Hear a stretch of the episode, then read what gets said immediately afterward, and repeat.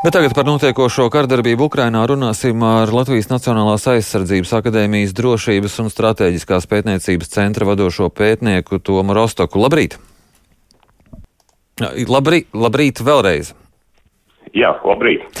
Spriežot pēc pienākošajām ziņām, Krievijas karaspēks nekur īpaši uz priekšu nevirzās un par Krievijas panākumiem vismaz aizvadītajā dienā tā kā nevarētu runāt.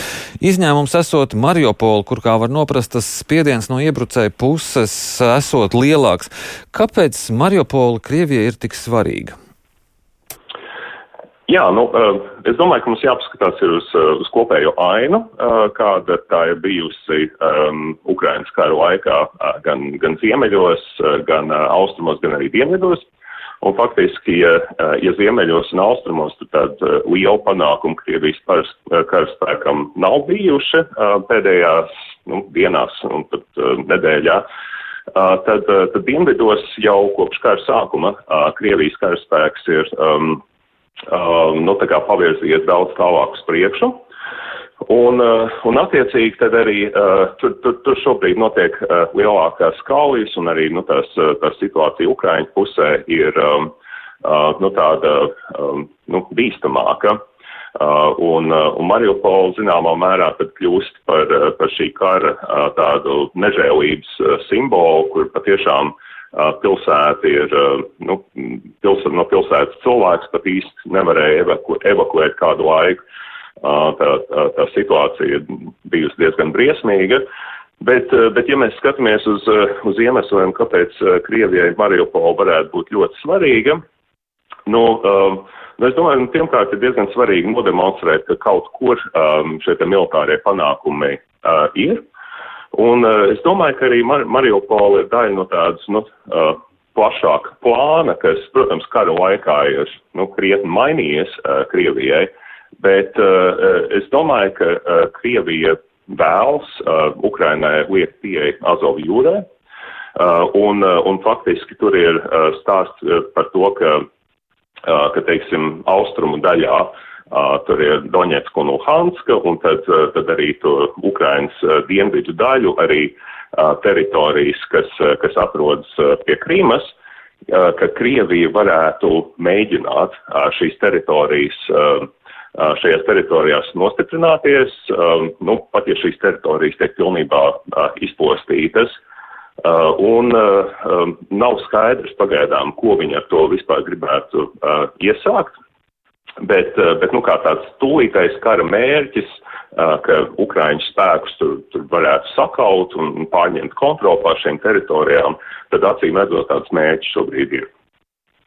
Eh, ko var teikt par šobrīd notiekošajām eh, miera sarunām, cik tās eh, virzās uz priekšu? Um, es domāju, ka par mieru sarunām uh, izskan ļoti dažādi uh, signāli, un uh, es domāju, ka nav liela skaidrība. Tad um, pat tādā ļoti vispārīgā līmenī, vai abas puses um, ved pārunas ar tādu skaidru mērķi, ka viņas ļoti gribētu panākt um, politisku risinājumu, es, pat, es par to neesmu drošs. Es domāju, ka Ukrainas pus, pusē ir diezgan liela vēlme um, šīs nu, pārtraukt karu, pārtraukt asins izliešanu un Ukrainas pilsētu izpostīšanu un uh, iedzīvotāju upurus. Uh, Krievijas pusē es nebūtu tik drošs par tādu patiesu vēlmi uh, panākt mieru, jo tā, nu, tomēr Krievija šo karu ir sākus, uh, un uh, iespējams, ka viņi šīs te sarunas uh, mēģina izmantot vienkārši, lai tajā laikā karaspēks uh, varētu pārgrupēties, Tātad uh, kaujas gatavība Krievijas vienībās, kuras uh, iesaistās kara darbībā, šī kaujas gatavība, nu, ne tuvu nav tie 100%, jā, kā, kā, kā tas varētu būt, nav pat 90, nav, varbūt nav pat 80%. Respektīvi, ka tur ir liela zaudējumi un ka tās vienības nav īsti kaujas spējīgas, tāpēc tur ir jāpārgrupējās, tur ir uh, apgādes jautājumi, tur ir jādod karavīriem arī atpūsties un, un tā tālāk, teiksim, ir, ir vajadzīga kaut kāda karavīra rotācija, vienība rotācija. Um, līdz ar to, um, nu, uh, es, es, protams, gribētu būt uh, optimistisks par šo te sarunu norisu un arī uh, iznākumu, Bet, bet manuprāt, ir jāatcerās, ka um, abas puses atrod, uh, teiksim, kara sākumā, un tas iemesls, kāpēc karš notika, bija, ka abas puses atradās ļoti tālu viena no otras un tādā nostāja ziņā. Ja? Tātad abu pušu mērķi bija savstarpēji izslēdzoši. Un jautājums tagad ir par to, vai patiešām abas puses ir gatavas piekāpties kaut kādos sev tiešām ļoti nozīmīgos jautājumos.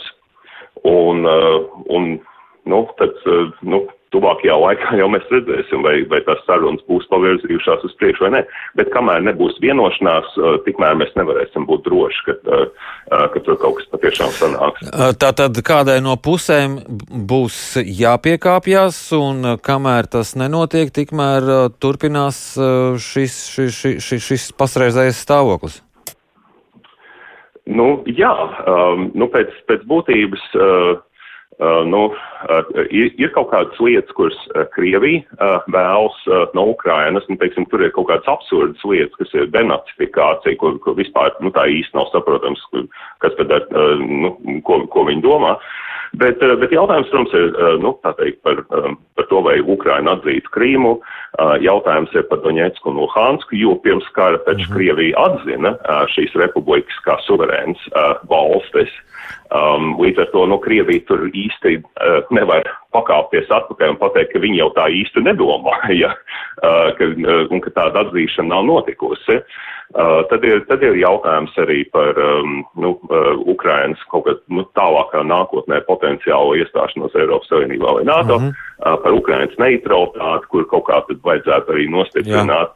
Um, nu, skaidrs, ka Krievijas pusē kara mērķi ir krietni, tā teikt, uh, uh, nu, tā pazeminājušies. Jā, tie, tie vairs nav tādi maksimāli mērķi. Viņi nevar būt maksimāli, jā. jo vienkārši zaudējumi ir pārāk lieli. Man jāsaka jums paldies par uh, šo sarunu. Atgādinu, ka mēs sazinājāmies ar Nacionālās aizsardzības akadēmijas drošības un strateģiskās pētniecības centra vadošo pētnieku Tomu Rostoku.